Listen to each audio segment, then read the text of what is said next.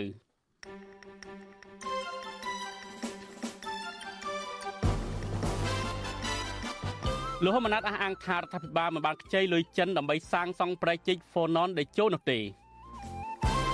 គណៈបកភ្លើងទៀនជំរុញឲ្យគណៈបកកម្លាំងជាតិចូលរួមជាមួយសម្ព័ន្ធភាពឆ្ពោះទៅអនាគតមុនពេលបោះឆ្នោតប្រសិទ្ធភាព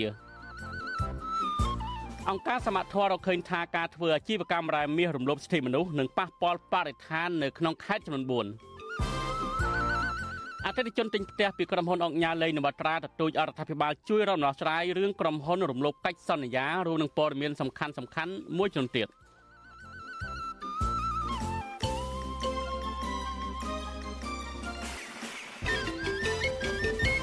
បាទលោកនាងទីមេត្រីនៅថ្ងៃនេះលោកហ៊ុនម៉ាណែតបានឆ្លើយតបទៅអ្នករិះគន់ថារដ្ឋាភិបាលរបស់លោកនឹងមិនខ្ចីលុយពីបរទេសឲ្យចម្ពាក់គេវ័នករហូតដល់សងមិនរួចនោះទេ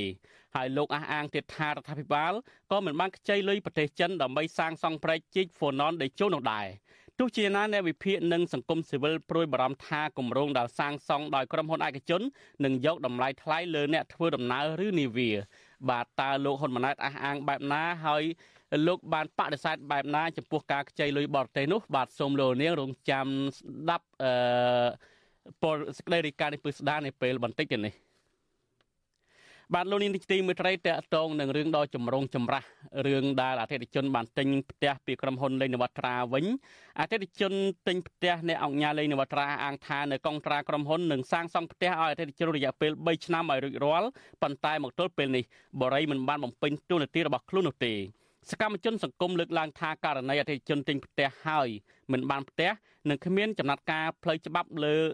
លោកលេងនវត្រានោះបង្ហាញពីភាពបរាជ័យដ៏ធំនៃប្រព័ន្ធតុលាការហើយបង្កឲ្យមានជនបោកប្រាស់កាន់តែច្រើននៅក្នុងវិស័យសំណង់អចលនទ្រព្យបាទសូមលោកនាងស្ដាប់សេចក្តីរាយការណ៍របស់កញ្ញាខាន់លក្ខណាអំពីរឿងនេះដូចតទៅអតិថិជនទិញផ្ទះអ្នកអង្គញាលេងនវត្រាទទូចរដ្ឋាភិបាលជួយរកដំណោះស្រាយដោយទំលាយថា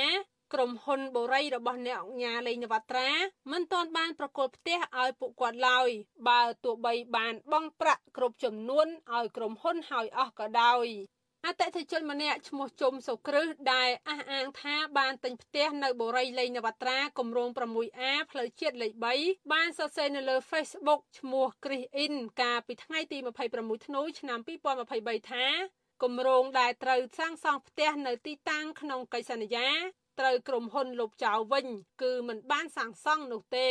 ក្រុមហ៊ុនតម្រូវឲ្យអតិថិជនទៅយកផ្ទះនៅទីតាំងថ្មី តាមការកំណត់របស់ក្រុមហ៊ុន ដោយមិនអាចជ្រើសរើសបានឡើយដោយលើកមូលហេតុថាផ្ទះមិនមានគ្រប់គ្រាន់តាមចំនួនអតិថិជនលោកជុំសុគ្រឹះប្រាប់វិសុអាស៊ីសេរីនៅថ្ងៃទី26ធ្នូថាលោកសូមមិនធ្វើអត្ថាធិប្បាយដោយថាករណីនេះលោកបានសរសេររៀបរាប់នៅលើ Facebook អស់ហើយ អតិថិជនរូបនេះបន្តថា នៅពេលសួរនាំក្រុមហ៊ុនថានឹងសងប្រាក់100ដុល្លារក្នុងមួយខែតាមកិច្ចសន្យាប៉ុន្តែលោកជុំសុគ្រឹះត្អូញត្អែថាក្រុមហ៊ុនបែរជាចង់សងលុយដើមទៅគាត់វិញ តែពាក់កណ្ដាលទាំងដែលគាត់មិនដែលបង់លុយយឺតឲ្យបរិយនោះទេអតិថិជនដដែលលើកជាសំណួរថាបែបនេះតើយុត្តិធម៌ទេផ្ទះដែលគាត់ចង់ទិញក៏មិនបាន ក្រុមហ៊ុនក៏បដូរទីតាំងសង់ផ្ទះស្រេចតែចិត្ត ហើយបើទៀមទាសំណងក៏ត្រូវក្រុមហ៊ុនកាត់លុយថែមទៀតអតិថិជនជុំសុគ្រឹះទៀមទាឲ្យក្រុមហ៊ុនបូរីអ្នកញាលេងនវត្រាចេញបកស្រាយជូនអតិថិជន ដោយហេតុថាក្រុមហ៊ុននេះមិនបានធ្វើតាមគម្រោងរបស់ខ្លួនច្រើនណាស់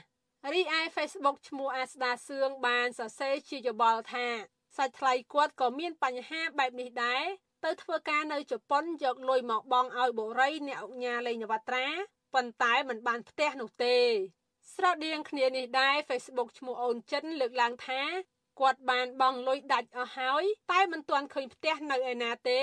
ខណៈឈ្មោះសវណ្ណធួង បានស្នើឲ្យប្រមុខរដ្ឋាភិបាលជួយរកដំណោះស្រាយដោយដំណាភាពនិងយុត្តិធម៌ឲ្យពួកគាត់ដែលបានទិញផ្ទះនៅបុរីអ្នកអញ្ញាលេងនវត្រាអតិថិជនទិញផ្ទះពីគម្រោងបុរីលេងនវត្រាមិនមែនមានតែនៅលើផ្លូវជាតិលេខ3ទេដែលមិនទាន់ទទួលបានផ្ទះ អ្នកទិញផ្ទះពីក្រុមហ៊ុននេះនៅគម្រោង 6A ក្នុងស្រុកមុខកំពូលខេត្តកណ្ដាលកាលពីឆ្នាំ2020ក៏មិនទាន់ទទួលបានផ្ទះនៅឡើយដែរប៉ុន្តែមកដល់ពេលនេះមិនទាន់ឃើញមានក្រសួងឬស្ថាប័នពាក់ព័ន្ធណាមួយជួយរកដំណោះស្រាយនិងចាត់វិធានការតាមសំណុំពររបស់អតិថិជនរងគ្រោះនៅឡើយ វិទ្យុអស៊ីស្រីមិនអាចសុំការថាធិប្បាយបញ្ហានេះពីប្រធានអង្គភិបអ្នកណែនាំពាក្យរដ្ឋាភិបាលលោកប៉ែនបូណាបានទេនៅថ្ងៃទី27ធ្នូដោយទូរស័ព្ទចូលគ្មានអ្នកទទួលក្រោយពីមានការតវ៉ានិងទាមទាររបស់អតិថិជននោះនៅថ្ងៃទី27ធ្នូនេះក្រុមហ៊ុនបូរីលេងនវត្រាបានចេញសេចក្តីបំភ្លឺមួយថាក្រុមហ៊ុនមានអតិថិជនរាប់ម៉ឺននាក់បើចង់បានប្រាក់100%ភ្លាមភ្លាមវិញក្រុមហ៊ុនមិនអាចធ្វើបាននោះទេ ហើយក្រុមហ៊ុនកំពុងបន្តធ្វើប្រដេញតាមផែនការក្នុងការដោះស្រាយបញ្ហាក្រុមហ៊ុននេះតម្រូវឲ្យអតិថិជនជ្រើសរើសតាមការកំណត់របស់ក្រុមហ៊ុន ដូចជាទុកពេលឲ្យក្រុមហ៊ុនសាងសង់ដោះដូរផ្ទះដោះដូរយកដីតម្លៃស្មើផ្ទះជំនួសវិញ សម្រួលយកលុយពាក់កណ្ដាលនៃលុយដើមវិញ និងជំរើសផ្ដល់ផ្ទះស្នាក់នៅបណ្ដោះអាសន្នទម្រាំក្រុមហ៊ុនសាងសង់ផ្ទះរួចជាដើម ក្នុងលិខិតបំភ្លឺរបស់អ្នកអង្គការលេងនវត្រាក៏បានទម្លាក់កំហុសលើការសាងសង់យឺតយ៉ាវរបស់ខ្លួនពីផលប៉ះពាល់វិបត្តិសេដ្ឋកិច្ចសកលទៅវិញ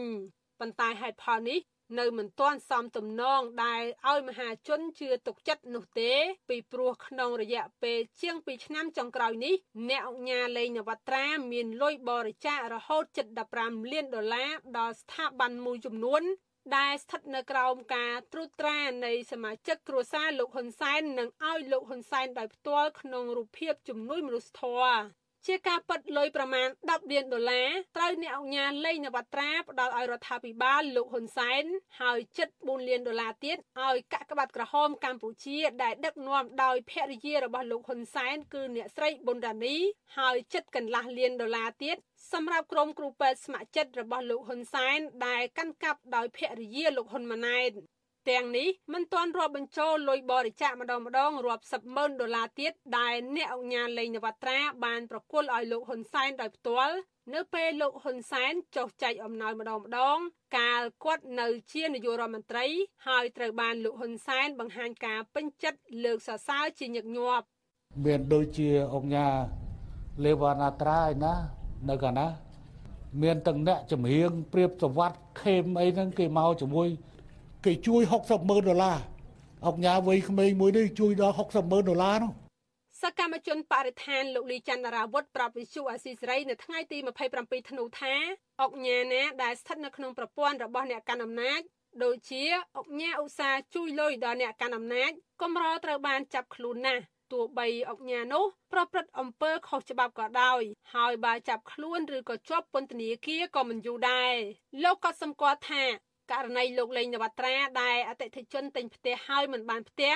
និងគ្មានការចាត់ការតាមផ្លូវច្បាប់នោះ បង្ហាញពីបរាជ័យដ៏ធំនៃប្រព័ន្ធតុលាការហើយបង្កឲ្យមានជនបោកប្រាស់កាន់តែច្រើនក្នុងវិស័យសំណង់អចលនទ្រព្យលោកលេងនវត្រាហាក់ដូចជាមិនខ្វាយខ្វល់អំពីអំណាចតុលាការឯម៉ាទេគាត់ខ្វល់ខ្វាយទៅជាមួយនឹងអំណាចរបស់អ្នកកាន់អំណាចអញ្ចឹងហើយនៅពេលដែលគេត្រូវការលុយគាត់បញ្ចេញលុយទៅ ជួយគេដើម្បីគាត់រំពឹងមកវិញគឺគេនឹងជួយគាត់នៅពេលដែលគាត់នឹងមានរឿងក្តីពិបាកដូចជាសពថ្ងៃនឹងអញ្ចឹងគឺគាត់អាចកិច្ចផុតពីតឡាការបានដោយមិនមានការដោះស្រាយអីទាំងអស់ដែលធ្វើឲ្យប្រជាជននឹងគាត់មិនអាចទៅរកដំណោះស្រាយណាហើយគាត់បង់លុយទៅហើយក៏គ្មានផ្ទះហើយគាត់ចង់យកលុយមកវិញក៏មិនបាន អ្នកអង្គញាលេងនបត្រាគឺជាមនុស្សស្និទ្ធនឹងលោកនាយករដ្ឋមន្ត្រីហ៊ុនម៉ាណែតនិងជាក្មួយប្រសាររបស់លោកហ៊ីប៊ុនហៀងអគ្គមេបញ្ជាការរងនៃកងយុទ្ធពលខេមរៈភូមិន្ទនិងជាមេបញ្ជាការដ្ឋានអង្គរៈលោកហ៊ុនសែនទោះបីអ្នកអង្គញាលេងនបត្រាបានកាប់បំផ្លាញនិងឈូសឆាយព្រៃឈើនៅភ្នំតាម៉ៅអស់600ហិកតាក៏ដោយក៏លោកហ៊ុនសែននិងលោកហ៊ុនម៉ាណែតចេញមុខការពារជាសាធារណៈដែរ ខ្ញុំខណ្ឌលក្ខណាវັດជុអាស៊ីសេរីបាទលោកនាយកទីមេត្រីតកតងនឹងរឿងនយោបាយវិញទីប្រឹក្សាគណៈបកកម្លាំងជាតិរងឈុនអះអាងថាគណៈបករបស់លោកត្រៀមធ្វើសម្បទានឲ្យគណៈបកភ្លើងទៀនក្នុងការចូលរួមការបោះឆ្នោតប្រសិទ្ធភាពឆ្នាំ2024ខាងមុខលោករងឈុនក៏ត្រៀមខ្លួនជជែកជាមួយមេដឹកនាំគណៈបកភ្លើងទៀនដែរបើសិនជាមានការចរចាកើតឡើង ទោះជាណាភាគីខាងគណៈបកភ្លើងទៀនឆ្លើយតបថាបើគណៈបកកម្លាំងជាតិចង់ធ្វើការងារជាមួយគណៈបកភ្លើងទៀនលុះត្រាតែគណៈបកនេះចូលរួមសម្ព័ន្ធភាពរបស់គណៈបកភ្លើងទៀនជាមុនសិនបាទសូមលោកនេះរងចាំស្ដាប់សេចក្តីរាយការណ៍នេះពឹស្ដាររបស់លោកយ៉ងច័ន្ទតារាហើយបន្ទាប់ពីសេចក្តីរាយការណ៍របស់លោកយ៉ងច័ន្ទតារានេះយើងក៏នឹងមានបទសម្ភាសជាមួយលោករងឈុនអំពីបញ្ហានេះបន្ថែមដែរបាទសូមអរគុណ កម្មវិធី Vithu Azizi ស្រីសម្រាប់ទូរស័ព្ទដៃអាចឲ្យលោកអ្នកនាង អានអត្ថបទទស្សនាវីដេអូនិងស្ដាប់ការផ្សាយផ្ទាល់ដោយឥតគិតថ្លៃនិងដោយគ្មានការរំខានដើម្បីអាននិងទស្សនាមេតិការថ្មីថ្មីពី Vithu Azizi សេរីលោកអ្នកនាងគ្រាន់តែចុចបាល់កម្មវិធីរបស់ Vithu Azizi សេរីដែលបានដំឡើងរួចរាល់លើទូរស័ព្ទដៃរបស់លោកអ្នកនាង ប្រសិនបើលោកអ្នកនាងចង់ស្ដាប់ការផ្សាយផ្ទាល់ឬការផ្សាយចាស់ចាស់សូមចុចលើប៊ូតុងរូប Vithu ដែលស្ថិតនៅផ្នែកខាងក្រោមនៃកម្មវិធីជាការស្រេច។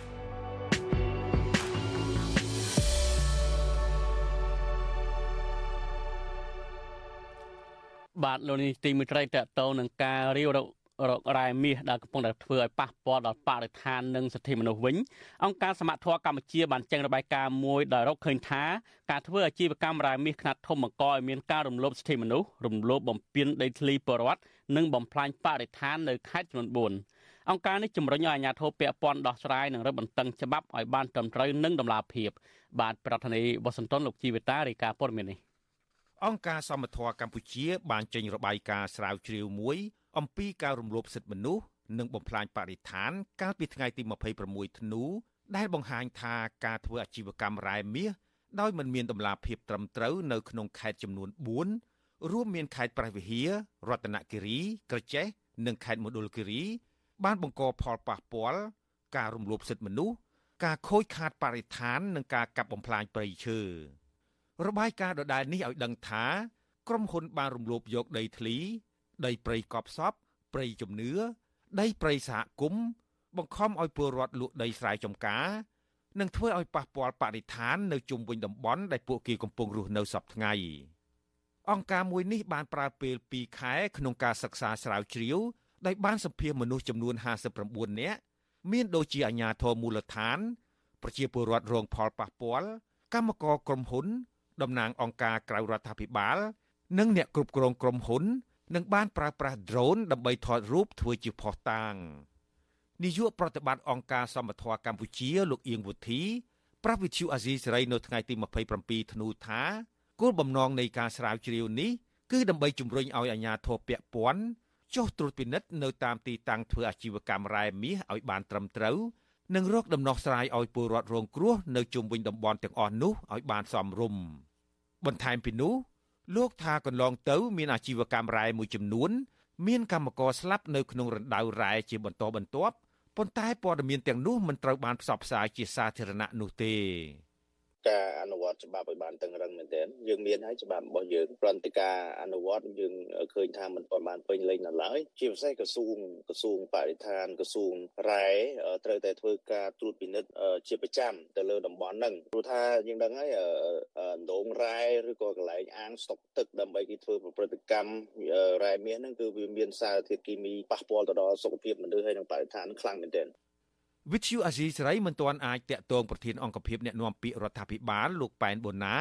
និងអ្នកណែនាំពាក្យក្រសួងរាយនឹងធម្មពលលោកអឹងឌីប៉ូឡាដើម្បីសុំការឆ្លើយតបជុំវិញរឿងនេះបានទេ នៅថ្ងៃទី27ធ្នូដោយទូរស័ព្ទចូលតែគ្មានអ្នកទទួលនៅក្នុងរបាយការណ៍កម្រាស់59ទំព័ររបស់អង្គការសមត្ថៈកម្ពុជានេះក៏បានរំលេចឈ្មោះក្រុមហ៊ុនចំនួន5ធំធំដែលកំពុងធ្វើអាជីវកម្មរ៉ែមាសប៉ះពាល់ដល់ពលរដ្ឋនិងបរិស្ថាន ក្នុងនោះមានដូចជាក្រុមហ៊ុនសឹងយ័នគួងយីក Co LDT ស្ថិតនៅក្នុងខេត្តក្រចេះក្រុមហ៊ុនរងឆេង Industrial Investment នៅខេត្តមណ្ឌលគិរីក្រុមហ៊ុន Delcom Cambodia ក្រុមហ៊ុន Sinzan Industrial Cambodia នៅខេត្តព្រះវិហារនិងក្រុមហ៊ុនអង្គរ Gold Corp Mesco Gold នៅខេត្តរតនគិរីពលរដ្ឋម្នាក់ដែលកំពុងរងគ្រោះពីការធ្វើអាជីវកម្មរបស់ក្រុមហ៊ុន នៅឃុំយ៉ាតុងស្រុកអូយ៉ាដាវខេត្តរតនគិរី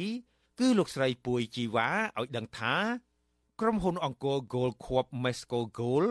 បានបង្ខំឲ្យអ្នកភូមិលក់ដីចំការដំណាំប្រមាណ30ហិកតាទៅឲ្យក្រុមហ៊ុនដើម្បីធ្វើអាជីវកម្មរ៉ែមាសកាលពីកន្លងទៅប៉ុន្តែបច្ចុប្បន្នក្រុមហ៊ុននេះកំពុងបំពេញបន្ថែមទៀតលើដីចំការរបស់ប្រជាពលរដ្ឋដោយបានចូលទៅរុករករ៉ែនៅក្នុងដីស្រែចំការរបស់អ្នកភូមិដោយមិនមានការអនុញ្ញាត ហើយអ្នកភូមិបានរាយការណ៍សកម្មភាពទាំងនោះទៅអាជ្ញាធរភូមិឃុំ តែអាជ្ញាធរមិនព្រមអើពើរកដំណោះស្រាយជូនពួកគាត់នោះទេដើរខួងដើររុករកអត់ដឹងដើរធ្វើអីទេពេញតែចការចិត្តមកដល់ភូមិហ្នឹងចាមានការព្រួយបារម្ភមានការភ័យខ្លាចខ្លាចដល់គេរកឃើញហើយគេឃើញរាយគេឃើញអីនៅមកដល់ភូមិគេនឹងអាចដេញយើងចេញពីភូមិហ្នឹងក៏មានចឹងដែរថាតែយើងអត់យើងខ្លាចយើងបើប្រាប់ទៅអាជ្ញាធរក៏មិនអើពើជាមួយពួកគាត់គាត់នឹងធ្វើមិនដែរកាលពីខែតុលាឆ្នាំ2023នេះ អង្គការអន្តរជាតិមួយឈ្មោះ Bruno Menser Fund រកឃើញថាគម្រោងអាជីវកម្មរ៉ែធំធំនៅក្នុងតំបន់ជំរកសត្វព្រៃព្រៃឡង់បានបង្កការគំរាមកំហែងធ្ងន់ធ្ងរដល់ព្រៃឈើនិងជីវិតរបស់ប្រជាពលរដ្ឋនៅក្នុងតំបន់នោះបន្ទាប់មកទាំងរដ្ឋមន្ត្រីក្រសួងរាយនិងធម្មពលលោកកែវរតនៈនិងនាយករដ្ឋមន្ត្រីលោកហ៊ុនម៉ាណែតបានប្រកាសឈប់ផ្ដល់អាជ្ញាប័ណ្ណធ្វើអាជីវកម្មរ៉ែទៅឲ្យក្រុមហ៊ុនឯកជននៅក្នុងតំបន់ព្រៃឡង់ ប៉ុន្តែលោកក៏មិនបញ្ជាក់ថាបញ្ឈប់អាជីវកម្មរ៉ែមាសទូទាំងប្រទេសនោះទេទោះជាយ៉ាងណាក៏ដោយចុះទាំងមន្ត្រីអង្គការសង្គមស៊ីវិលនិងសកម្មជនបរិស្ថាន នៅតែមិនទាន់មានជំនឿទៅលើការអះអាងរបស់រដ្ឋមន្ត្រីនិងនាយករដ្ឋមន្ត្រីនោះទេដោយសាររដ្ឋាភិបាលមិនបានដាក់ពិន័យឬទោសទណ្ឌទៅលើក្រុមហ៊ុនដែលបានប្រព្រឹត្តខុសច្បាប់នោះដែរអង្គការសមត្ថៈកម្ពុជា ជំរុញឲ្យរដ្ឋាភិបាលគិតគូរពីកង្វល់របស់ប្រជាពលរដ្ឋនិងរកដំណោះស្រាយឲ្យបានសមរម្យរឹតបន្តឹងច្បាប់ធ្វើអាជីវកម្មរ៉ែគោរពសិទ្ធិមនុស្សគោរពសិទ្ធិជនជាតិដើមភាគតិចនិងថែរក្សាបរិស្ថានឲ្យបានល្អប្រសើរជាដើមខ្ញុំជីវិតាអាស៊ីសេរី ពេលដែលចាប់ដើមគេចែកម្លេចសារគាត់ច្រើនហ្នឹងក៏អាញាធរហ្នឹងក៏ទៅគម្រាមគាត់ទៅអីចឹងណាហើយយើងបានសម្ភាសយុវតីវ៉ានជាងហើយផ្ទាល់តែម្ដងអាស៊ីសេរីយើងបានសម្ភាសពេលហ្នឹងគឺគាត់បញ្ជាក់ថាអាញាធរហ្នឹងបានគម្រាមគាត់ឲ្យប្រឈប់សកម្មភាពគំមានគាត់ដល់ផ្ទះតែម្ដងដល់ផ្ទះហើយក្រោយមកទៀតបើតាមប្រភពច្បាស់ការហ្នឹងជាក់ថាអាញាធរហ្នឹងបានគឺថាហៅគាត់ហ្នឹងទៅគម្រាមរហូតដល់ប្រើរយៈពេលច្រើនម៉ោងដើម្បីឲ្យគាត់កែប្រែហើយចេញសារសុំទោសអីចឹងណាបាទ យប់ឡើងបានយើងឃើញមានបានឃើញមនុស្សប្រហែលអ្នកហ្នឹងទៅសម្ភាសគាត់ជាអ្នកកសែតអីចឹងទៅហើយសួរសំណួរដឹកមុខផងអីផងហ្នឹងពូយ៉ាងម៉េចដែរចំណុចនេះឥឡូវមុនសួរពូសួរមេតាបាទសួរមេតាមេតាថោកទាបអត់ចរិតចឹងចឹងអីទៅធ្វើគម្រាមកំហែងកូនក្មេងអាយុ17ឆ្នាំដែលគ្នារៀនមិនទាន់បានដល់ថ្នាក់ទី9អីត្រឹមត្រូវស្រួលបួលផងនេះអញ្ញាធរប្រើកាយវិការបែបហ្នឹងវា វាអសិលធម៌ហើយបើយើងនិយាយភាសាសាមញ្ញវាថោកទាបដល់កំពូលចាងហើយគាត់ជាចាស់ទុំហើយគាត់ទៅគម្រាមក្មេងដែលទៅតែអាយុ17ឆ្នាំ បាទលោកអ្នកនាងកញ្ញាជាទីមេត្រីប្រសិនបើលោកអ្នកនាងខកខានមិនបានស្ដាប់ឬក៏ទស្សនាកម្មវិធី podcast របស់អាស៊ីសេរីកម្ពុជាសប្តាហ៍នេះលោកអ្នកនាងអាចស្វែងរកកម្មវិធី podcast នេះ តាមបណ្ដាញ podcast នានាដូចជា Apple Podcast Google Podcast ជាដើម ហើយសូមអញ្ជើញលោកអ្នកនាងសរសេរនៅក្នុង ប្រអប់ស្វែងរក ថាកម្ពុជាសប្តាហ៍នេះជាភាសាខ្មែរឬមួយ Cambodia This Week ជាភាសាអង់គ្លេសនោះលោកអ្នកនាងនឹងបានឃើញនៅកម្មវិធីរបស់យើងហើយលោកអ្នកនាងអាចស្ដាប់ឡើងវិញបានបាទសូមអរគុណ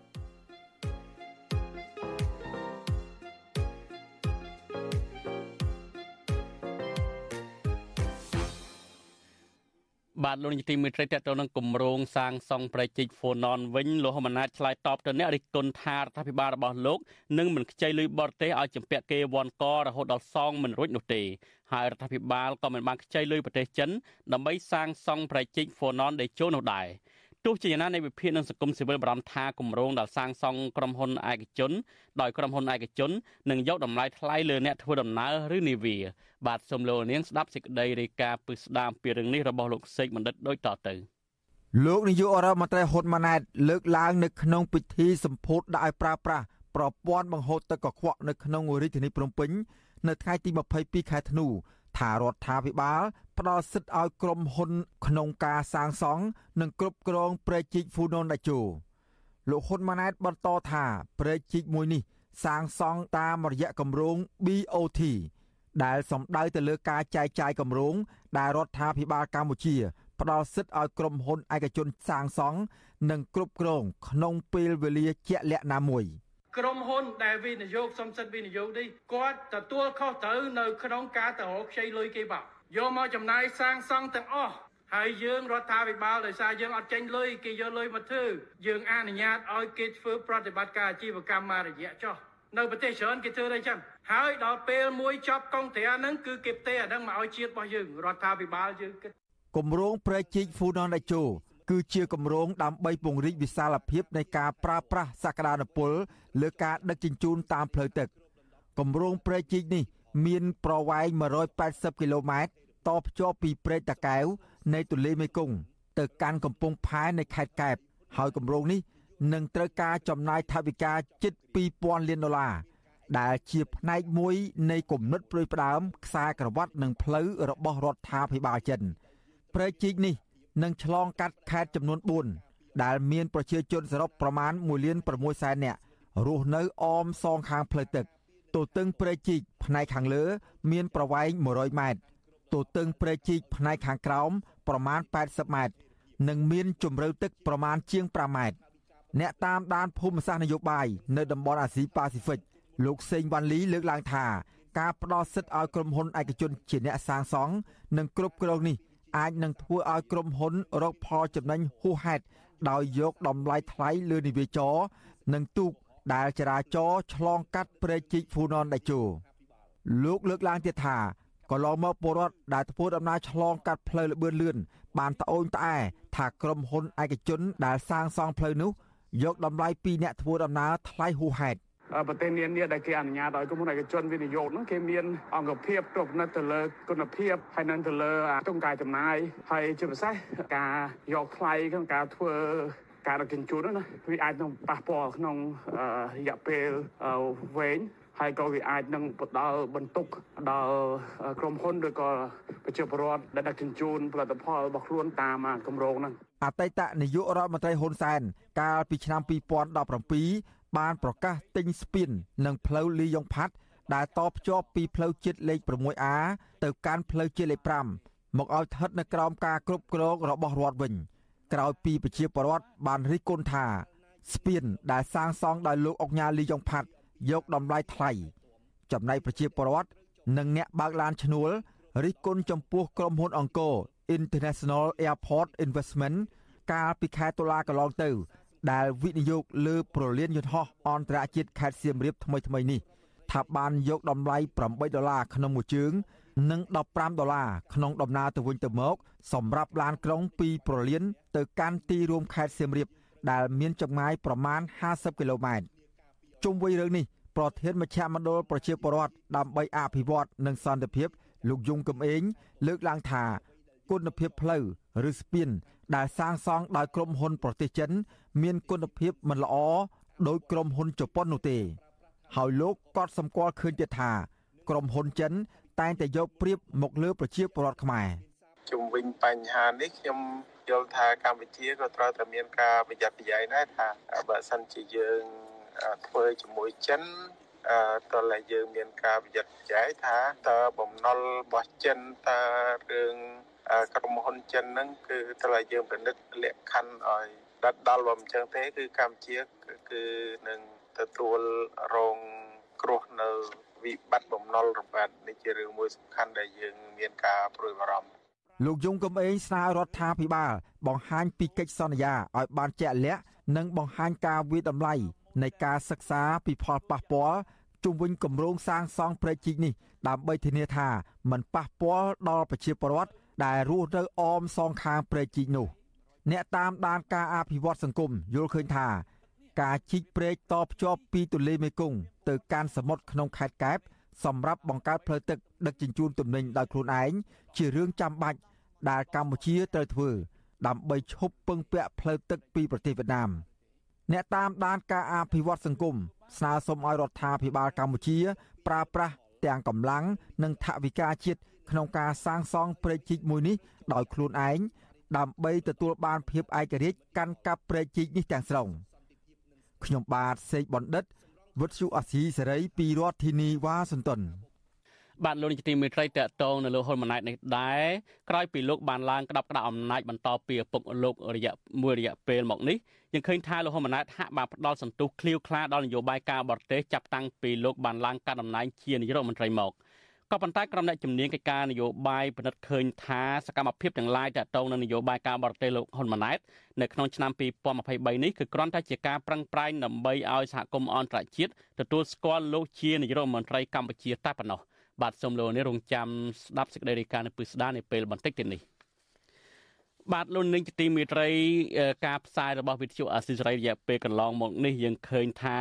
ទទួលបាននូវការបញ្ចេញមតិយោបល់ផ្ទួនផ្ទួនដដាលដដាលរបៀបវាយលុកយ៉ាងច្រើនសន្ធឹកសន្ធាប់ការបញ្ចេញមតិយោបល់ទាំងនោះហាក់ដូចជាមានលក្ខណៈជាប្រព័ន្ធនិងរៀបចំទុកជាមុនដោយដែលលោកនាងបានឃើញហើយនៅក្នុងការផ្សាយរបស់យើងកំពុងតែផ្សាយនេះយើងឃើញការបញ្ចេញមតិយោបល់មួយចំនួនដែល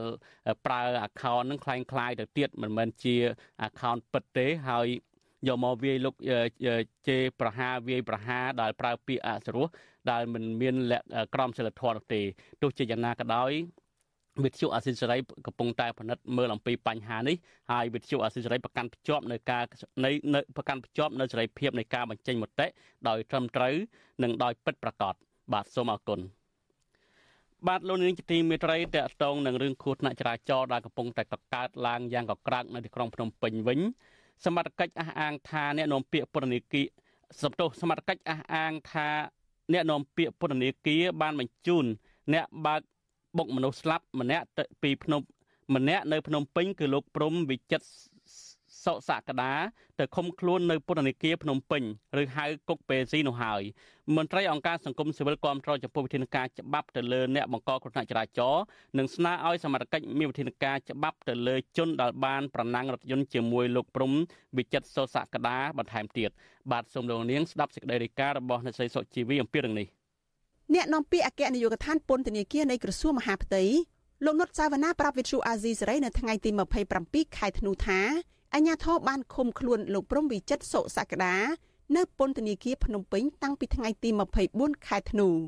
លោកបន្តថាការឃុំខ្លួននេះធ្វើឡើងភ្លាមភ្លាមក្រោយពីចៅក្រមស៊ើបសួរនៃសាលាដំបងរាជធានីភ្នំពេញអ្នកស្រីហុងម៉ារីនិចសម្រាប់ដាក់ឲ្យឃុំខ្លួនបណ្ដោះអាសន្នលោកព្រំវិចិត្រសុសក្តាក្រោមបទចោទបើកបរឲ្យធ្វើប្រហែសខ្ជីខ្ជាមិនប្រុងប្រយ័ត្នឬមិនគោរពកាតព្វកិច្ចដែលបទបញ្ញត្តិស្ដីពីចរាចរណ៍ផ្លូវគោកតម្រូវបណ្ដាលឲ្យស្លាប់អ្នកដទៃ និងបទរត់គេចខ្លួន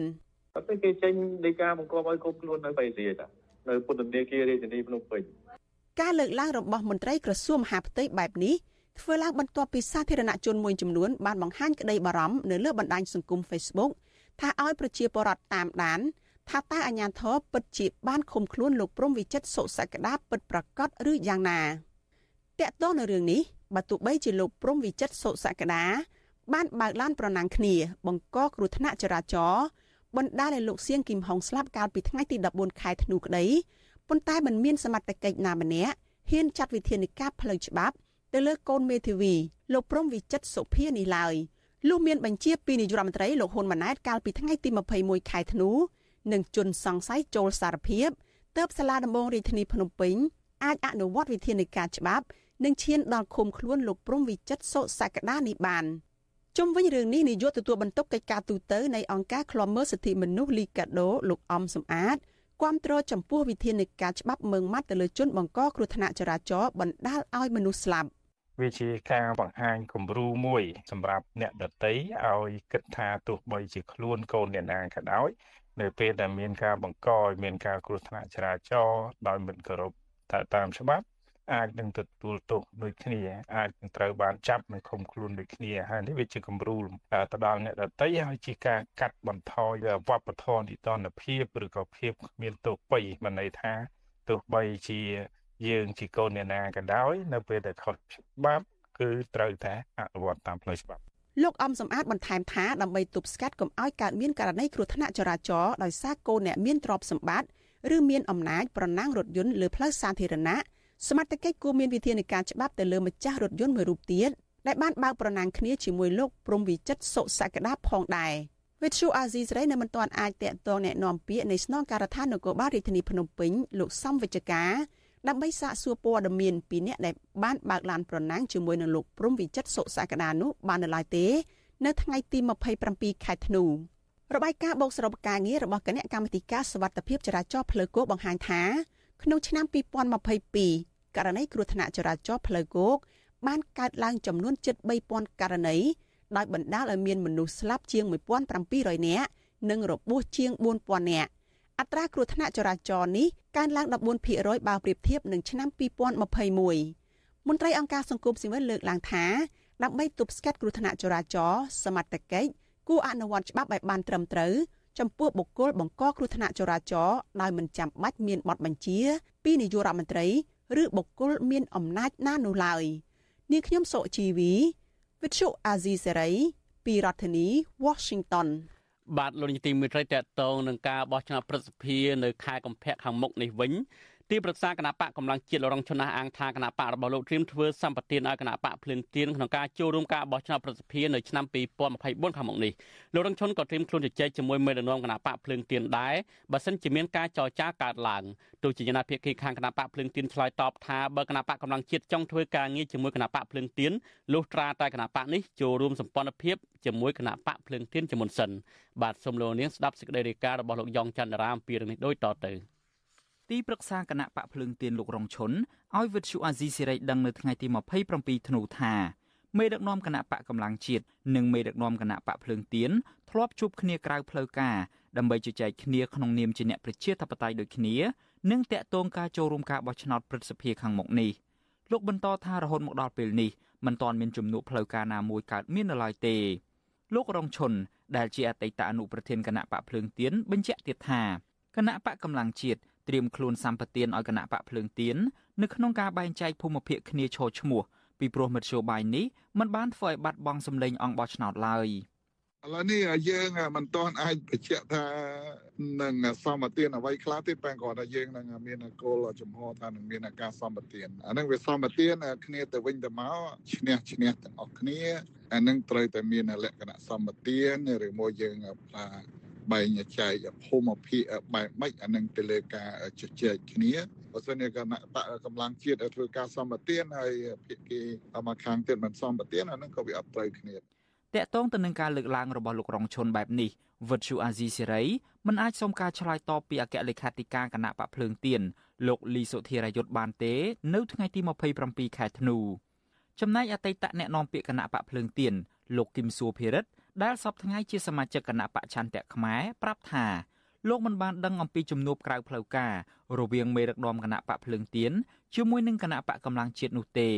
ក៏ប៉ុន្តែលោកយល់ថាជំនួបផ្លូវការរវាងមេដឹកនាំគណៈបកទាំងពីរនៅពេលនេះទំនងជាពិបាកនឹងកើតមានឡើងណាស់លោកគឹមសួរភិរិទ្ធបញ្ជាក់ពីជំហរដដែលថាប្រសិនបើគណៈបកកម្លាំងជាតិចង់សហការជាមួយនឹងគណៈបកភ្លើងទៀន គណៈបកនេះអាចចូលរួមជាមួយសម្ព័ន្ធភាពនយោបាយរបស់គណៈបកភ្លើងទៀនជាមុនសិនចឹងទេថាជាពិបាកអាចទៅជជែកគ្នាពីការបោះឆ្នោតក្រុមប្រឹក្សាស្រុកហេតុអីណាខ្លួនខ្ញុំខ្ញុំប្រកាសទៅណាប្រាប់ហើយថាបើសិនជាខាងថ្នាក់ដឹកនាំនឹងចូលក្នុងចំពោះវិភាគ2ឥឡូវទៅខ្លួនខ្ញុំផ្ទាល់ដែលជាបេក្ខជនលំដាប់ទី1នៅភូមិភាគ7ខ្ញុំសុខចិត្តមួយជាប់ហើយក៏ខ្ញុំមានលែងឲ្យខាងនោះដែរឲ្យតែប្រងចូលនៅសម្ព័ន្ធភាពពីព្រោះដើម្បីផលប្រយោជន៍វិញ គណៈបកភ្លើងទៀនបានចងសម្ព័ន្ធភាពនយោបាយជាមួយនឹងគណៈបកកែតម្រង់កម្ពុជាគណៈបកប្រជាធិបតេយ្យមូលដ្ឋាន និងគណៈបកឆន្ទៈខ្មែរគណៈបកភ្លើងទៀនដែលមិនអាចចូលរួមការប្រកួតប្រជែងការបោះឆ្នោតខាងមុខនេះបានផ្ដល់សិទ្ធិឲ្យគណៈបកឆន្ទៈខ្មែរចូលរួមប្រកួតប្រជែងការបោះឆ្នោតព្រឹទ្ធសភាជំនួសខ្លួន នៅពេលនេះមេដឹកនាំគណៈបកនេះរួមមានអនុប្រធានគណៈបកភ្លើងទៀនបណ្ឌិតសុកហាជនិងមន្ត្រីជាន់ខ្ពស់គណៈបកភ្លើងទៀនផ្សេងទៀតដូចជាលោកហុងសុខហួរ លោកគង់ម៉ូនីកាបានឈរឈ្មោះជាបេក្ខជននៃគណៈបកឆន្ទៈខ្មែរសម្រាប់ការបោះឆ្នោតជ្រើសតាំងសមាជិកព្រឹទ្ធសភា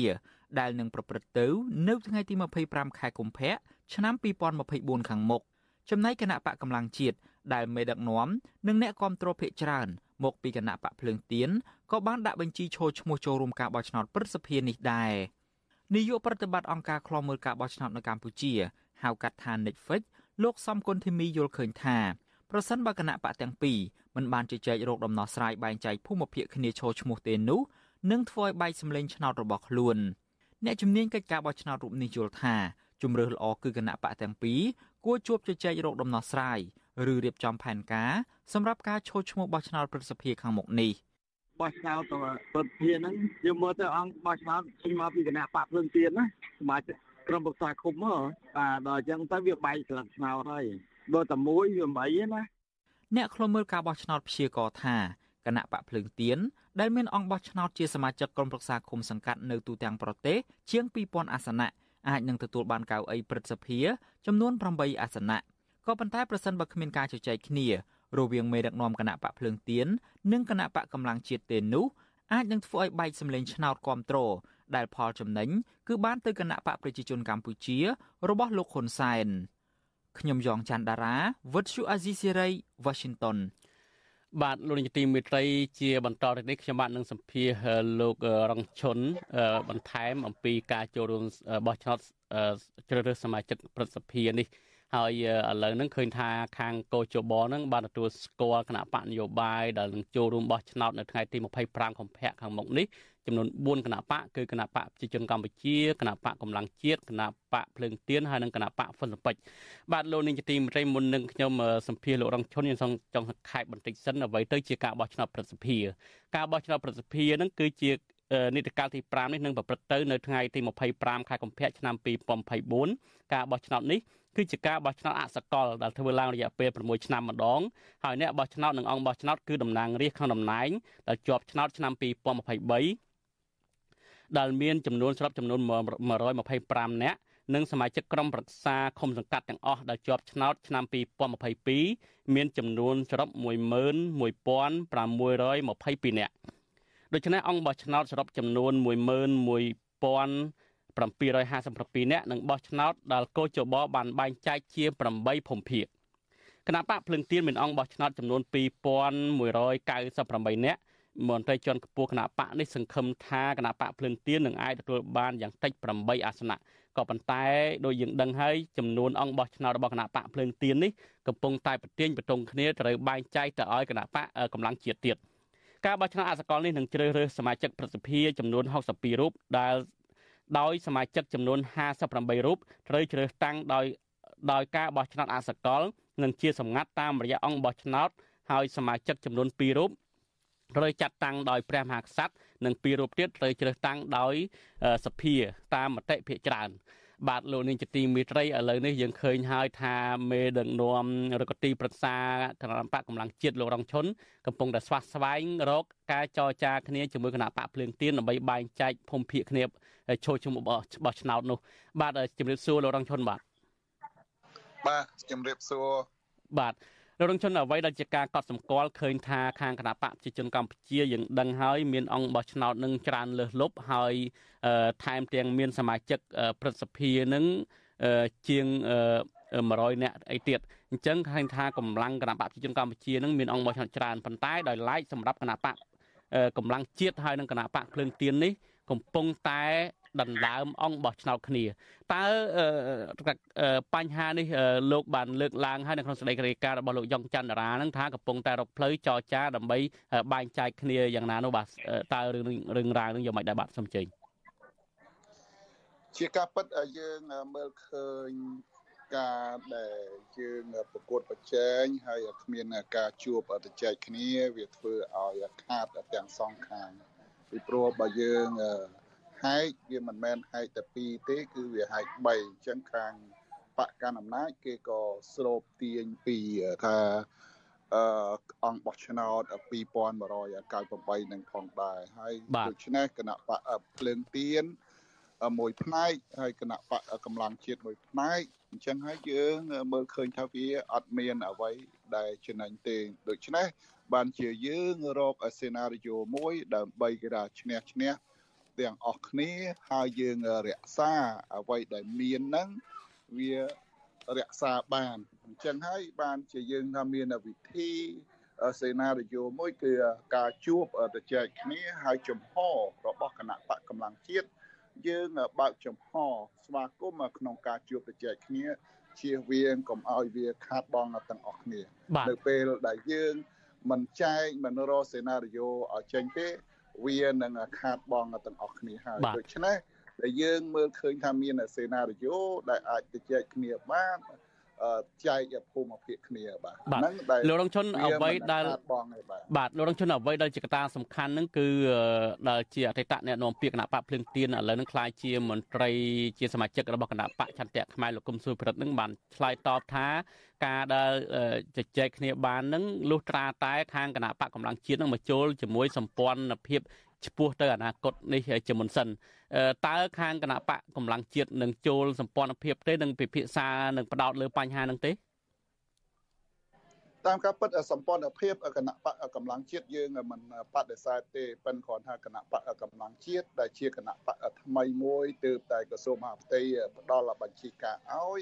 ដូច្នេះយើងត្រូវការពេលវេលារៀបចំខ្លួនរៀបចំរចនាសម្ព័ន្ធ របស់ខ្លួនបន្ទាប់ពីយើងរៀបចំរួចរាល់យើងនឹងពិចារណាពិនិត្យមើលនិងការចូលរួមក្នុងសម្ព័ន្ធភាពនឹងឯងហើយការរៀបចំខ្លួននឹងចូលសម្ព័ន្ធភាពយើងឃើញថាគណៈបកភ្លើងទៀនបានប្រកាសយកគណៈបកមួយនៅក្នុងសម្ព័ន្ធភាពហើយអាហ្នឹងវាជាមើលចំណុចត្រង់ចំណុចហ្នឹងហើយបើសិនជាគណៈបក កម្លាំងជាតិចូលទៅថាតើសេចក្តីសម្រេចនឹងវាទៅជាបែបម៉េចវិញបាទបាទលោកលោករងឈុនការរៀបចំខ្លួនមុននឹងចង់សម្ព័ន្ធមុននឹងចូលសម្ព័ន្ធក៏មិនចូលនឹងប្រើពេលរយៈពេលប៉ុណ្ណាតើនៅមុនពេលបោះឆ្នោតប្រសិទ្ធភាពឬក៏រងចាំរហូតដល់ក្រោយការបោះឆ្នោតបាទព្រោះឥឡូវគៀកហើយបាទមើលទៅរយៈពេលដែលយើងត្រូវរៀបចំខ្លួនវាត្រូវតែក្រោយការបោះឆ្នោតប្រសិទ្ធភាពហើយដូច្នេះ គ្មានរឿងអីដែលរឿងចូលសម្ព័ន្ធភាពទេបើយើងចង់តែចែកគ្នាដើម្បីរកដំណោះស្រាយវាអត់មានចំណោទបញ្ហាហើយយកសម្ព័ន្ធភាពយកមកផ្ទាស់ដើម្បីរៀបរៀងមិនអាចទៅចែកគ្នាបានទេហើយបើសិនជាយើងមិនមិនអាចជជែកគ្នាបានហើយដាក់ប្រកួតទាំងអស់គ្នាអាហ្នឹងគឺយើងចាញ់ចាញ់ទាំងអស់គ្នាហើយអ្នកដែលឈ្នះដែលគេចាំទទួលផលគឺបកកណ្ដាលអំណាចបាទ លោករងឈុនក៏ដឹងខ្លួនដែរថាបើសិនជាប្រកួតទាំងអស់គ្នានឹងចាញ់ទាំងអស់គ្នាហើយលោកបានលើកឡើងហើយឃើញថាខាងគណៈបកភ្លឹងទៀនឬគណៈបកឆន្ទៈខ្មែរនឹងនៅតែប្រកាន់ចំហថាបើចង់ចរចាគ្នាចែកគ្នាបែបណានោះលុះត្រាតែចូលសម្ព័ន្ធសិនលោកបានបញ្ជាក់ថាការដែលអាចចូលសម្ព័ន្ធបានលុះក្រោយការបោះឆ្នោតបើនៅតែអញ្ចឹងការប្រកួតមិនមែនឥឡូវនេះឃើញថាមិនមែនតែអ្នកប្រជាធិបតេយ្យដែលគណៈបកមន្ត្រីគណៈបកភ្លើង អតីតមន្ត្រីគណៈបកភ្លើងទៀនទៅប្រកាសគណៈបកថ្មីគណៈបកកម្លាំងជាតិនឹងមិនមែនតែប្រកួតជាមួយគណៈបកប្រជាជនកម្ពុជាគណៈបកហ៊ុនស៊ុនពេជ្រទេថែមទាំងប្រកួតនៅក្នុងគ្នាឯងទៀតនិយាយដោយសាមញ្ញថាអញ្ចឹងចុះបើក្នុងករណីដឹងថានឹងអាសាបងបើយើងដែលតើនៅតែសុកចិត្តចូលរួមប្រកួតសុកចិត្តសុកចិត្តអាសាបងទាំងអស់គ្នាសុកចិត្តអត់មានអត់ទទួលបានមកអាសនៈទាំងអស់គ្នាឬក៏យ៉ាងណាបាទ ព្រោះដែលយើងមើលឃើញលទ្ធផលនឹងហើយបានជាគណៈបកកម្លាំងជាតិយើងបើកចំហក្នុងការទទួលជួបអាការទៅចែកគ្នាដើម្បីគេថាឈ្នះឈ្នះសម្រាប់ទាំងអស់គ្នាបើសិនតែយើងមើលឃើញចំណុចដែលมันมันឈ្នះហើយហើយបើយើងយកអលក្ខខណ្ឌសម្ព័ន្ធយកមកចងអានឹងវាមើលទៅវាមានការលំបាកមែនតើប៉ុន្តែចំពោះអ្នកប្រជាធិបតេយ្យ កន្លែងខ្លះក៏យើងមិនត្រូវយកអលក្ខខណ្ឌយកមកចងខ្លួនឯងដែលបើយើងត្រូវទៅចែកគ្នារកដំណោះស្រាយដើម្បីឲ្យចេញឲ្យឈ្នះឈ្នះទាំងអស់គ្នាបាទបាទបាទលោកនាងជាទីមេត្រីការបោះឆ្នោតប្រសិទ្ធភាពនេះគឺកោជបបានបែងចែក8ភូមិភាគហើយយើងឃើញថា ចំនួនអាសនៈទាំងអស់នោះគឺ58ទេពីរទៀតមកពីសភាពីរទៀតមកពីព្រះមហាក្សត្រហើយលោករងឈុនបានលើកឡើងហើយបើនៅតែអញ្ចឹងនឹងខាតបងអរគ្នាគេឃើញការបែងចែកអាសនៈការបោះឆ្នោតអសកលនេះគឺសម្លេងណាដែលគណៈបកណាដែលមានសម្លេងច្រើនជាងគេគឺគណៈបកនោះនឹងបាន អាសនៈឬក៏នឹងបានកៅអីដោយឡែកគណៈបកភ្លើងទៀននិងគណៈបកកម្លាំងជាតិចំនួនអង្គបោះឆ្នោតតែ2000អ្នកជាងទេហើយត្រូវបែងចែកពីគណៈបកទៀតបើសិនជាក្នុងករណីចូលរួមបោះឆ្នោតទៅត្រូវបានអ្នកជំនាញខាងបោះឆ្នោតមើលឃើញថាគណៈបកនេះនឹងមិនទទួលបាននឹងមិនទទួលបានអាសនៈដូចគ្នាមានថាបរាជ័យដូចគ្នាលោករងជនក៏ដឹងខ្លួនអំពីបញ្ហានេះដែរប៉ុន្តែយើងឃើញថាអង្គបោះឆ្នោតនេះកើតចេញពីគណៈបកភ្លើងទៀន ពីឆ្នាំ2012ហើយគណៈមន្ត្រីគណៈបកភ្លើងទៀនទៅបង្កើតគណៈបកកម្លាំងជាតិលោករងជនហេតុអីបានជាគណៈបកកម្លាំងជាតិនឹងមិនទុកឱកាសនឹងឲ្យគណៈបកភ្លើងទៀនចូលរួមបោះឆ្នោតតែឯងទៅហេតុអីចាំបាច់មកដដើមគ្នាការបោះឆ្នោតនេះតើគណៈបកកម្លាំងជាតិមានចំណុចពិសេសស្អីលើគេទៅបាទ តាមការពិតគណៈបកកម្លាំងជាតិដែលជាគណៈបកមួយត្រូវបានក្រសួងហាផ្ទៃផ្ដល់បញ្ជីការឲ្យអញ្ចឹងអ្វីដែលយើងបង្កើតបើយើងនិយាយពីសាវតាដែលសាវតាកំណត់ដើមគំនិតរបស់មេដឹកនាំគណៈបកភ្លើងទៀនរួមទាំងខ្ញុំនៅក្នុងគំនិតនឹងដែរថាយើងបង្កើតផ្ទះយើងបានយើងនឹងទៅនៅផ្ទះយើងបាទអញ្ចឹងហើយបានជាចេញ ឲ្យមានបង្កើតគណៈបកកម្លាំងជាតិនឹងឡើងប៉ុន្តែនៅពេលដែលគណៈបកកម្លាំងជាតិកើតចេញមកឡើងកើតមកបានបែរជាមួយចំនួនมันមកចូលរួម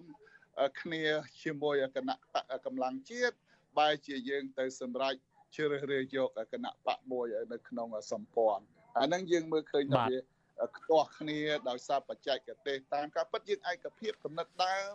ហើយ ត្រូវតែទៅយកផ្ទះថ្មីហើយត្រូវឲ្យចន្ទធីទៅបាទអរគុណច្រើនលោករងឈុនគណៈអន្តរកាលហើយចាស់តោមទាំងអស់ហ្នឹងគាត់ត្រូវធ្វើអនុប្រធានហើយខ្ញុំត្រូវនៅចាំផ្ទះភ្លើងទៀនអាហ្នឹងសេនាធិយោដើម្បីរក្សាអសនៈទាំង9ហ្នឹងកុំឲ្យវាបាត់បង់ប៉ុន្តែដោយសារតែគេថារឿងបុគ្គលមួយចំនួន វាធ្វើឲ្យមានបញ្ហានឹងកើតឡើងអរគុណច្រើនលោករងឈុនមានអឺ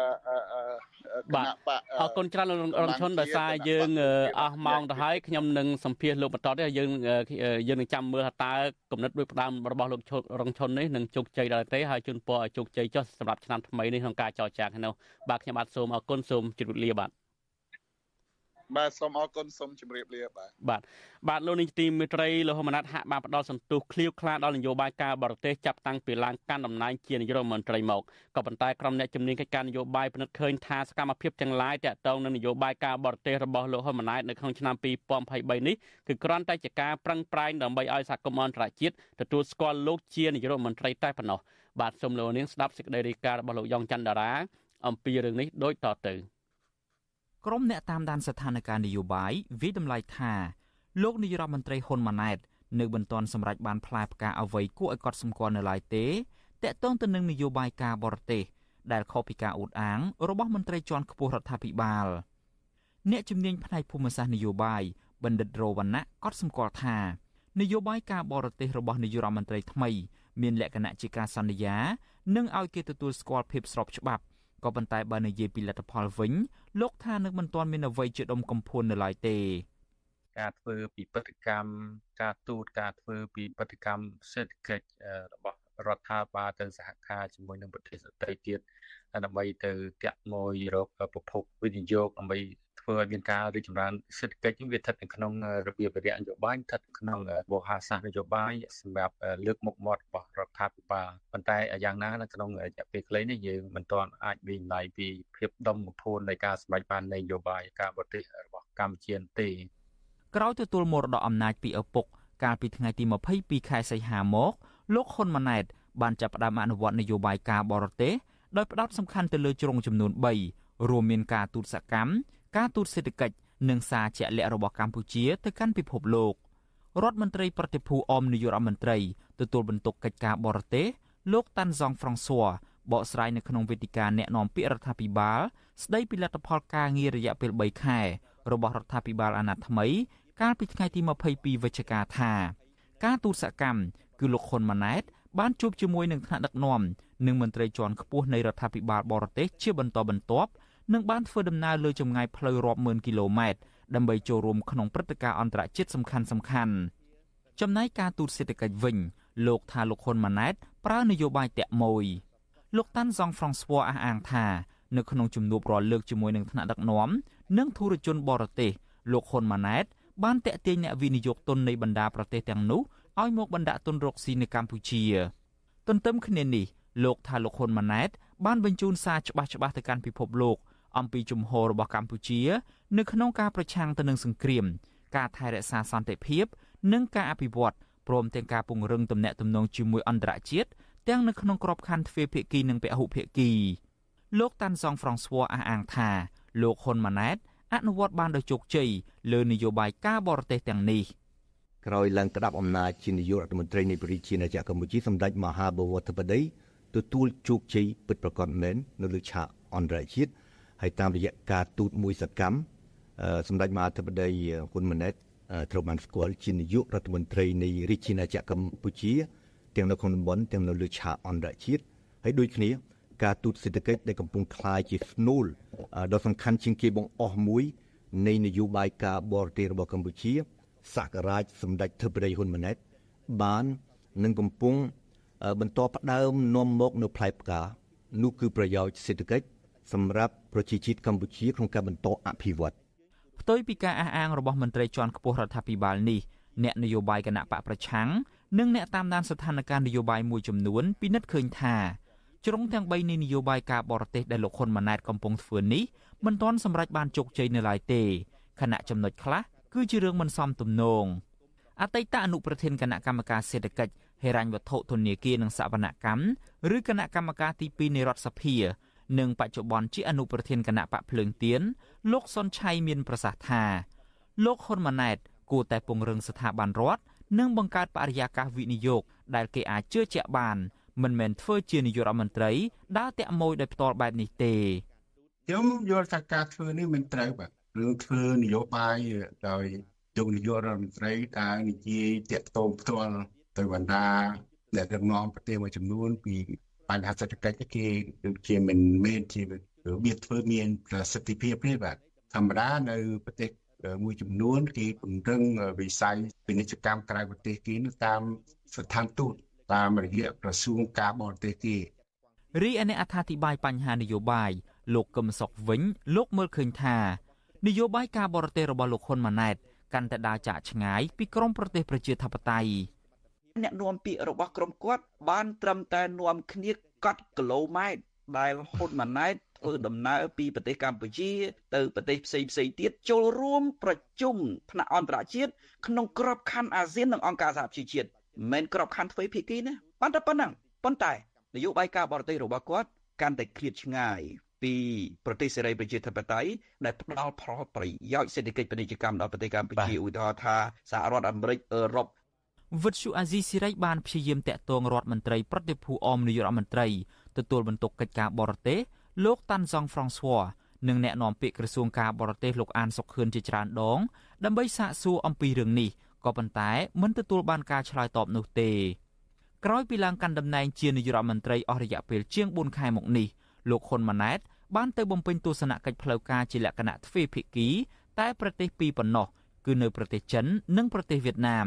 ដែលសុទ្ធសឹងជាប្រទេសកុម្មុយនីសនិងជាចន្ទុលនយោបាយរបស់ខ្លួនលោកជ្រើសរើសយកប្រទេសចិន គឺជាគោលដៅទី1ដែលលោកធ្វើទស្សនកិច្ចទ្វេភាគីចំណែកឯដំណើរទស្សនកិច្ចរបស់លោកហ៊ុនម៉ាណែតទៅកាន់ប្រទេសឥណ្ឌូនេស៊ីអារ៉ាប៊ីសាអូឌីតនិងប្រទេសជប៉ុនជាដើមនោះវិញ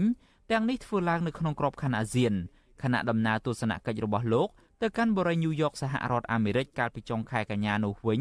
គឺជាការទៅចូលរួមមហាសន្និបាតអង្គការសហប្រជាជាតិលើកទី78នៅក្នុងនាមជាប្រមុខរដ្ឋាភិបាលនៃរដ្ឋសមាជិកអង្គការសហប្រជាជាតិលោកហ៊ុនម៉ាណែតបានថ្លែងនៅក្នុងមហាសន្និបាតអង្គការសហប្រជាជាតិថាកម្ពុជារក្សាជំហរនយោបាយការបរទេសអព្យាក្រឹតឯករាជ្យនិងបន្តកិច្ចសហប្រតិបត្តិការជាមួយបណ្ដាប្រទេសជាមិត្តដើម្បីជំរុញការអភិវឌ្ឍប្រកបដោយចីរភាព Cambodia remains resolute ជាប្រឆាំងដាច់ខាតចំពោះការគំរាមប្រើប្រាស់ឬប្រើកម្លាំងក្នុងទំនាក់ទំនងអន្តរជាតិការជ្រៀតជ្រែកកិច្ចការផ្ទៃក្នុង និងការឈ្លានពានរដ្ឋឯករាជ្យណាមួយ កម្ពុជាមិនអនុញ្ញាតឲ្យមានមូលដ្ឋានយោធាបរទេសនៅលើទឹកដីរបស់ខ្លួនដោយមានចែងក្នុងរដ្ឋធម្មនុញ្ញកម្ពុជាមិនអនុញ្ញាតឲ្យប្រទេសណាមួយឬក្រុមណាមួយប្រើប្រាស់ទឹកដីកម្ពុជា ប្រឆាំងនឹងប្រទេសផ្សេងទៀតឡើយកម្ពុជានឹងខិតខំបន្ថែមទៀតដើម្បីពង្រឹងនិងពង្រីកកិច្ចសហប្រតិបត្តិការល្អជាមួយបណ្ដាប្រទេសទូទាំងពិភពលោកតាមរយៈក្របខ័ណ្ឌទ្វេភាគី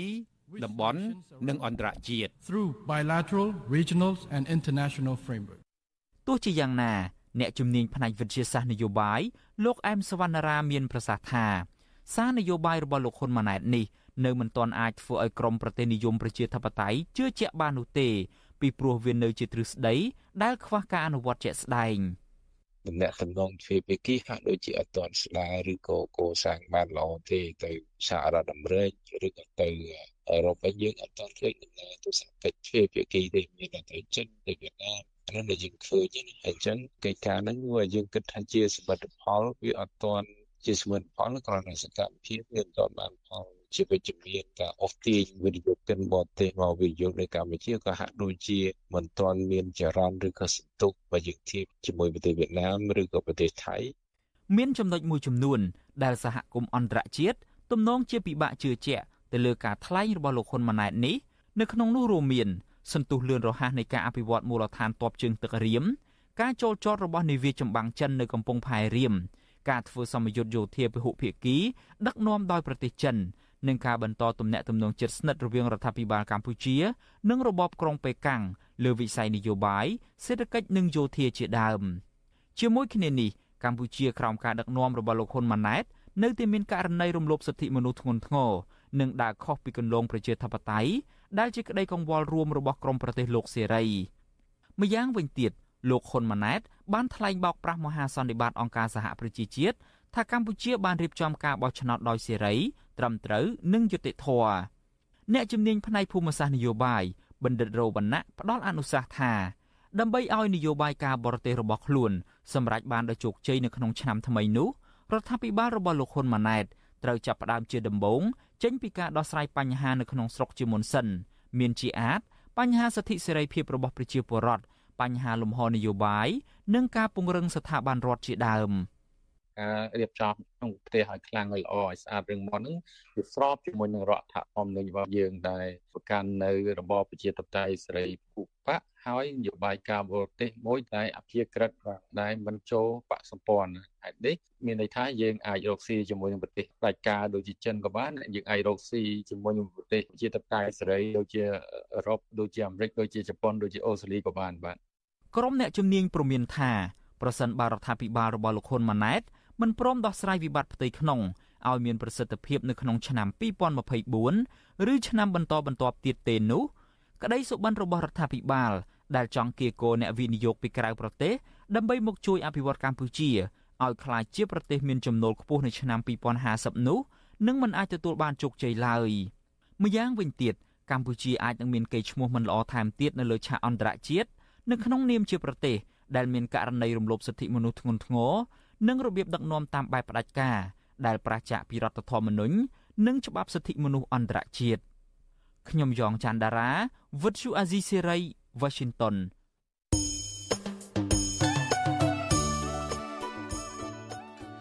បាទលោកទីមេត្រីដំណើរគ្នានឹងស្ដាប់ការផ្សាយវិទ្យុអស៊ីសេរីតាមបណ្ដាញសង្គម Facebook YouTube និង Telegram លោកនាងក៏អាចស្ដាប់កម្មវិធីផ្សាយរបស់វិទ្យុអស៊ីសេរីតាមរលកធាតុអាកាសខ្លីឬ Shortwave តាមកម្រិតនិងកម្ពស់ដូចតទៅនេះ ពេលព្រឹកចាប់ពីម៉ោង5កន្លះដល់ម៉ោង6កន្លះតាមរយៈប៉ុស SW 93.90 MHz ស្មើនឹងកម្ពស់ 32m និងប៉ុស SW 11.85 MHz ស្មើនឹងកម្ពស់ 25m ពេលយប់ចាប់ពីម៉ោង7កន្លះដល់ម៉ោង8កន្លះតាមរយៈប៉ុស SW 93.30 MHz ស្មើនឹងកម្ពស់ 32m ប៉ុស SW 11.88 MHz ស្មើនឹងកម្ពស់ 25m និងប៉ុស SW 15.15 MHz ស្មើនឹងកម្ពស់ 20m បាទលោកនាងទីមេត្រីកម្មវិធីផ្សាយរបស់យើង ដល់ទីបញ្ចប់ទៅហើយខ្ញុំបាទសូមអរគុណលោកនាងដែលតែងតែមានភក្ដីភាពចំពោះការផ្សាយរបស់វិទ្យុអសិរ័យជារៀងរាល់ថ្ងៃហើយសូមលោកនាងកុំភ្លេចរងចាំស្ដាប់ការផ្សាយរបស់យើងនៅក្នុងកម្មវិធីផ្សាយរបស់យើងនៅព្រឹកស្អែកទៀតដែលយើងនឹងមានសេចក្តីរាយការណ៍ថ្មីថ្មីទៀតនឹងមកជម្រាបនឹងផ្សាយជូនលោកនាងសម្រាប់ពេលនេះខ្ញុំបាទទីនសាការីយ៉ានិងសាការីសូមអរគុណនិងសូមជម្រាបលារីករាយសួស្តី